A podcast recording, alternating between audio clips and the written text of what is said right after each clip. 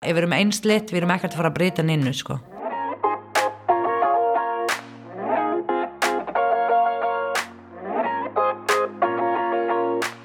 Ég heiti Alma Dóra og þú ert að hlusta hlaðarpið Konur í nýsköpun. Styrtaræðala hlaðarpsins eru Origo og Framvís samtök vísisfjárfesta á Íslandi. Fita Abu Lípte er framkvæmdastjóri og stopnandi Geosilica sem framleiði náttúrulega fæðibútaefni í vökuformi sem unnin er úr steinefnum úr jarðhittasvæðum Íslands. Fita kemur upprunnulega frá Palestínu er með mistaraprófi umhverjus og orkutæknifræði og hefur undanfærin áratug byggt fyrirtæki sitt frá grunni ásamt því að vera áberandi í nýsköpunarumgrunu á Íslandi. Við fýta rættum um hennar vegferð, hvernig hún byggði sitt tengslanett á Íslandi sem innflytjandi og munin á fjölbreytni, inngildingu og jafnbreytti. Hrættir þátturinn því fjölbreyttari því betri með fýtu Abu Lípti.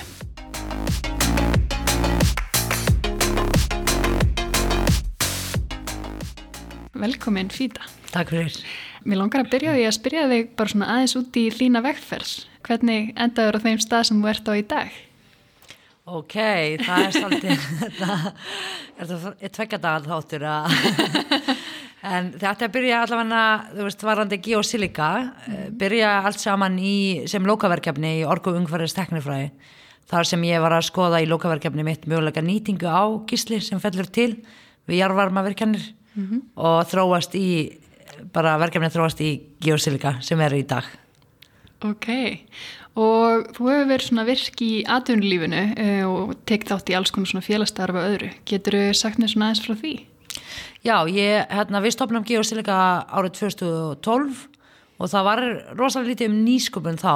Vist, við byrjum kannski að tóka okkur 2-3 ára að þróa framlýslega aðferðir og koma fyrsta varan á markaði.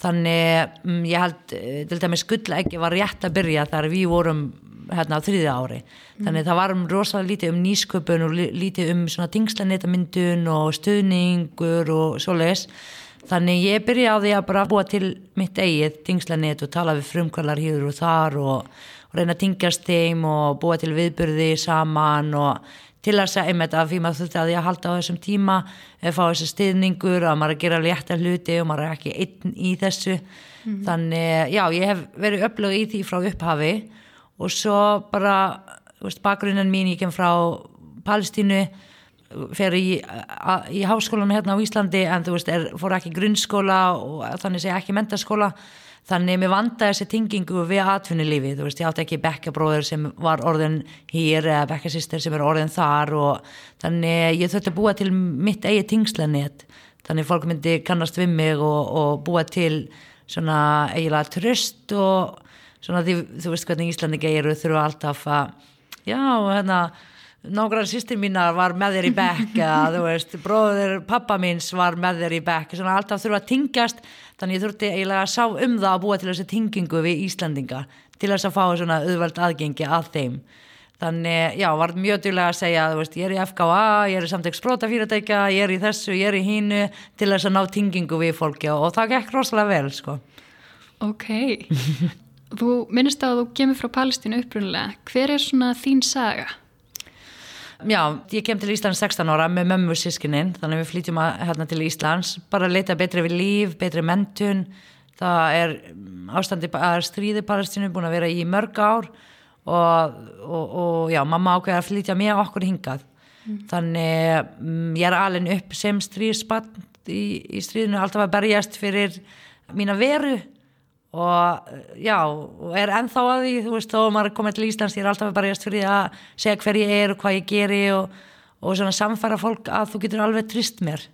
Og ég er ekki hættuleg þannig það er hérna já, þetta er svona saga sem fylgdi mér frá barnösku að alltaf þurfa að sanna mig.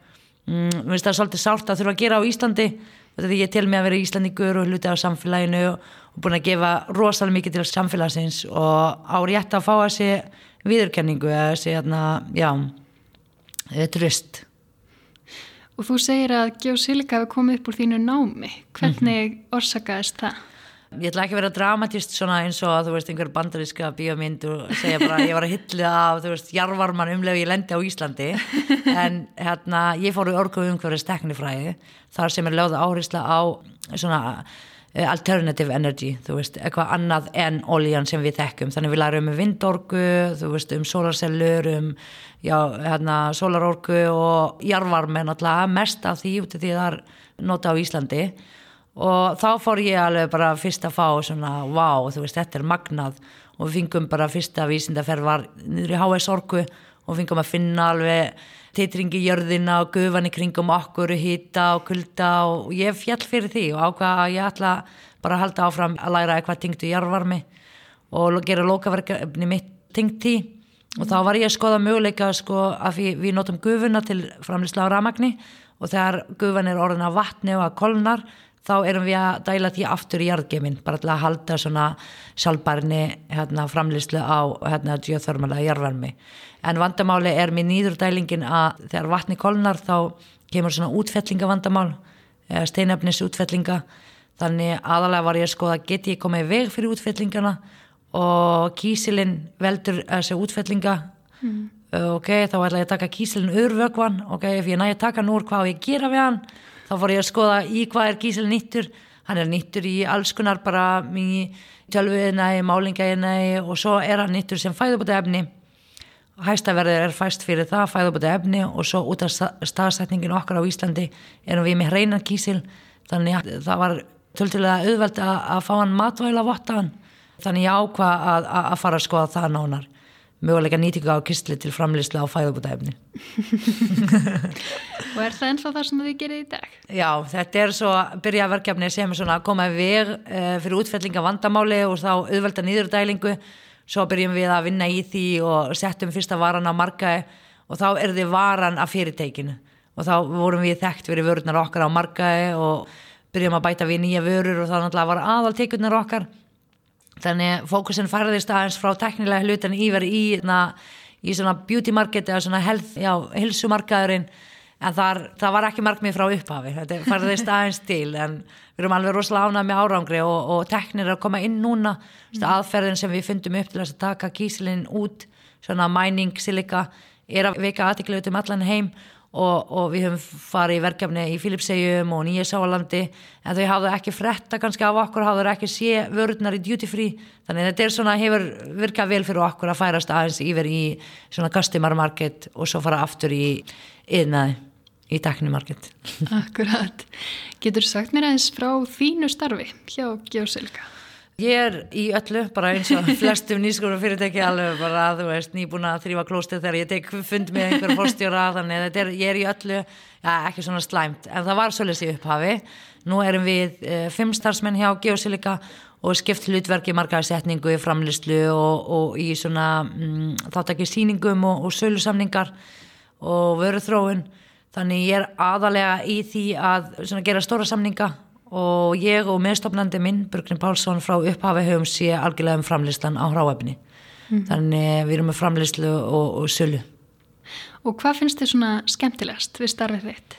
Aðalega fjölbreytnin að mm. þú veist, ég get hoppa í öllu, ég get gert allt það er aldrei, það er engin dagur eins þetta er bara, það er skemmtilegast það er að fjölbreytnin að ég get hoppa í alls konar verkefni, veist, ég get eins og einmitt við erum til dæmis að fara að taka þátt í hraðall í San Francisco í næsta viku. Wow. veist, þetta er bara geggjað.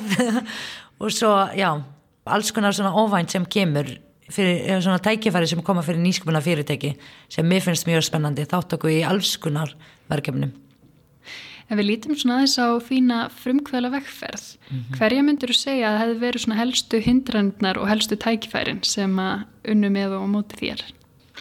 Ég myndi segja sko ég fengið mörg tækifæri og sérstaklega þú veist setna árum þegar hérna, nýskupuna umhverfi var að vaksa rosalega vel á Íslandi og alls konar svona mm, prógramum eða svona hraðlum og aðgengi að mentorum og hefur verið alveg, ég, ég held ég hafi, hafi sparað mig alveg 10-15 árum að vinnu að fá aðgengi til dæmis að mentorum út úr atvinnulífi ég geta 8 klukkutíma samtal við þá og þeir leiðbyrja mann, við finnst það gæða veikt að geta ekki, þú veist, að, að hafa þessi aðgengi sem er, við vitum alveg þetta er ekki, svoleiðis, eh, ekki svona auðveld annars þar í heimi.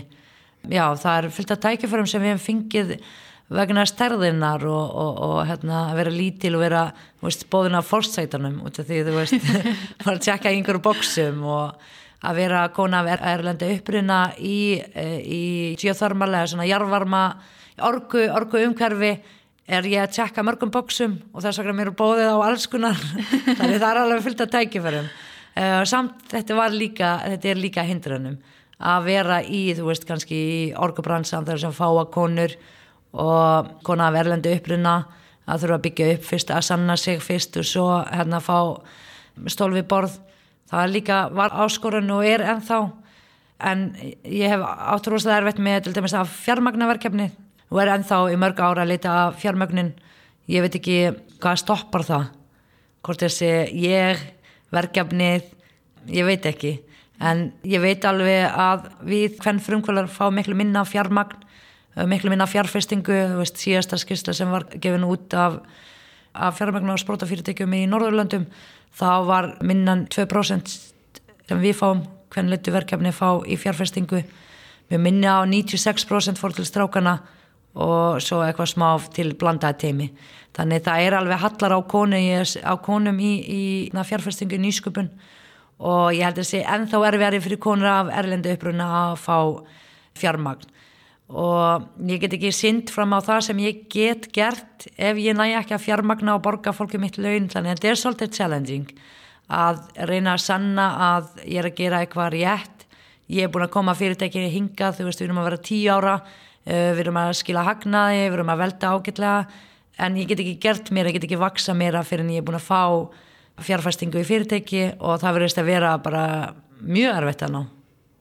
Um, af hverju, eða ef ég gerir ráð fyrir því að, að þú teljir mikilvægt að þessu þurfa að breyta, af hverju heldur það þessi mikilvægt að, að styðja við konur í nýsköpun? Það er bara, það er ekki bara konur í nýsköpun sem er að segja að það er fjölbreytni mun leiða til betri árangri það eru mm. hagfræðingar sem er að mæla það og sína fyrirtæki sem eru með blandaði teimi eða hvernlittu fyrirtæki eru líklega til að skila árangri þannig ef þú ert ekki fjárfesta hvernlittu verkefni þá ert þú bara ekki góður í fjárfestingu. Og það er bara skiptar út fyrir einhverju konu. Þannig þetta er bara við, við setjum bara mannréttenda mál til hlýðar við höfum öll rétt á því að jöfn tækifari og há kíni uppruna trúabröð, við höfum öll bara rétt á því. Þetta er bara að borga sig betur. Þetta er betri fjárfestingu. Það er svona, ég á rosalega erfitt með að tala um þetta á þess að vera reið ég verð bara reið.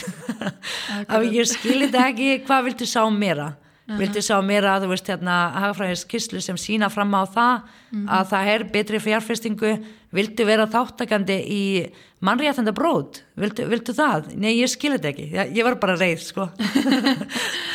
Akkurat, akkurat. Og svo er náttúrulega ákveðin sérsta eða ákveði sjónarhótt sem að konur hafa eða fólk að verðundum uppruna eða fólk á hvernig aldri sem er kannski ekki verið að fjárfesta mikið í og annað mm -hmm. sem að fær ekki að njóta sín mm -hmm. af því að hugmyndirna byggjast alltaf einhvern veginn á manns eigin bakgrunni og svoleiðis. Nákvæmlega, því fjölbreyttur er því betri, þú sér það mína sögu er bara stærsta sönnin á því, ég kem frá Palestínu, eitthvað, þú veist nobody hérna og byrja að skoða möguleika nýtinga á kistli sem fellur til. Við erum búin að vera nýta guðvendli framlista á ra ramagni í þú veist 50 til 60 ár. Steinafni sem fellur til er bara við getum, ef við myndum nýta alla kísarinn sem fellur til frá háhýttarsvæði á Íslandi, við gætum framleitt 80.000 tónnum á kistli og kísilum er notaður í solarsellur, notaður í tölvuköpum, tölvuköpum, hilsufæðubötu það sá þetta enginn og þegar ég var að ver byrja verkefni það var alveg hleyja af mér alveg bara, þú veist ef það er hægt að nýta þetta eitthvað, akkur er enginn búin að gera það? Mm -hmm. af því þú veist, það er bara stundum þurfum við fjölbreytni þurfum bara feskar augu og, og, og einhver horfur á, á hlutinu öðruvísi. Og það er ekki bara konur sem eru að koma til að bjarga það er líka, þú veist, að fá kallmenn í þar sem konur eru ráðandi líka gott til að segja, það er bara fjölbreytni almennt og jafnrétti yfir hildina ef við erum einsleitt, við erum ekkert að fara að breyta ninnu sko. Nei, akkurat. Hvernig telur þú að hægt sé að auka fjölbreytni í nýsköpunum hverjunu? Það er rosalega mikið í, þessi, hérna, í umræða í dag sem ég fagna því, inclusion og diversity and inclusion. Við erum rosalega mikið að tala um það og ég hef fylst með veist, fyrirtæki sem er að tala um það og síðast í kostningum sem eru bara, við erum fjölbreytt teimi og svo bara allir eins hérna, þú veist, kallkona, kallkona, kvitt, þú veist, hérna, svipum aldrei. Við erum mikið að tala um þetta og við erum mikið að miskilja fjölbreytni og inclusion og, og hérna, ég veit ekki hvað er íslensk orðið yfir það. Ég held að það sé inngilding. Já, en það ok. er skrítið en ég er Já, þú veist, við erum rosalega mikið að miskilja það og blanda það saman með jafnrétti og jafnrétti kynjana og fjölbreytni. Við erum mikið að blanda því saman.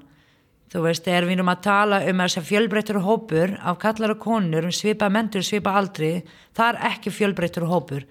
Við þurfum að taka inn öðruvísi uppruna, lítarhátt trúabrög, kynhegðun þa- það er fjölbreytt.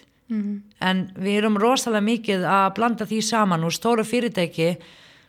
Ég veit þeir meina gott en veist, það þýðir ekkert að setja einhverjum með krullur og auglýsingin og þykast að vera með einhver fjölbreytt teimi er einhverju stjórn sem er að vera lendu uppruna, er einhverju stjórn sem er með dekkri húð, er einhver í, bara í útibú sem er að vinna veist, sem er öðruvísi eða hefur þú gefið einhver, einhver manneska af jáðarhópum tækifæri til þess að sanna sig?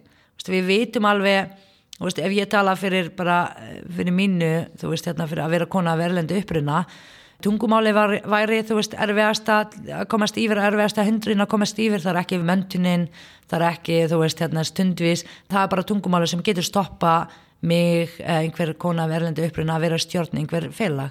Er þú tilbúin að horfa fram hjá því og setja mig í stjórn? Og horfa á það sem ég hef ekki á það sem ég hef ekki? Þá getur þú auglist eða gefið því fram á heimasíðan þín að þú ert með fjölbreytta tími og há því hvaðan ég kem eða mín bakgrunn. En það er ekki raun sko. Við erum ekki að gefa öll uh, jafn tækifæri. Við erum ekkert að horfa á styrkleika hjá öðrum eða hjá fólkinu heldur bara mjög mikið að fókusa á veikleika þeirra. Og svo skiptir kannski ekki endilega máli ef þú ert í ykkur stjórn að tala góða íslensku. Ég meina, hvað notar það? þú ert ekki að fara að skrifa texta eða... Nei, alls ekki sko. Og það er alltaf lagi að þú veist hérna einmitt, svona fólk er að feila sér bak við það ég er alveg tilbúin að hafa fjölbreytt tími en þið verða að tala að vera þú veist með íslensk kunnata upp á 100% þú veist nýskupina ráðherra var gaggrind fyrir það að auglýsa hérna, eftir starf og segja að tungumáli var ekki nöysinlegt þannig ég veit einhvern samfélagi okkar er tilbúin í þetta verkefni að hafa fjölbreytileika alveg 100% innleitt En svona innan fyrirtæki sem sjá ykkur, hvernig eru þið að stuðla að jöfnum tækifærum og, og fjölbreytni innan teimisins? Uh, ég hef alveg unni markvist á því uh, frá upphafi að gefa konum, smá bæjas, konur í tekni og konur af erlendu uppruna tækifæri að byggja sér starfsreynslu. Ég lendi því eftir útskrift að vera orkuð umhverjast teknifræðingur, ekki minna reynslu af erlendu uppruna að reyna að sækja um vinnu hjá, þú veist, einhverju stóru fyrirtæki. Þannig ég hef alveg unni markvist á því að pikka í konum úr verkfrængafélaginu, alveg kontu, þú getur verið hjá mér bara 6-10 mánu, aflæður reynslu, getur sett nafn geosilika á CV-ið þitt, ég skal kenna þér hitt og þetta. Og líka við konur að erlenda uppruna tungumál hefur aldrei verið eitthvað vandamál innan fyrirtækisins, þá bara tala maður íslensku hérna, ennsku hérna, þú veist, það er ekkert mál.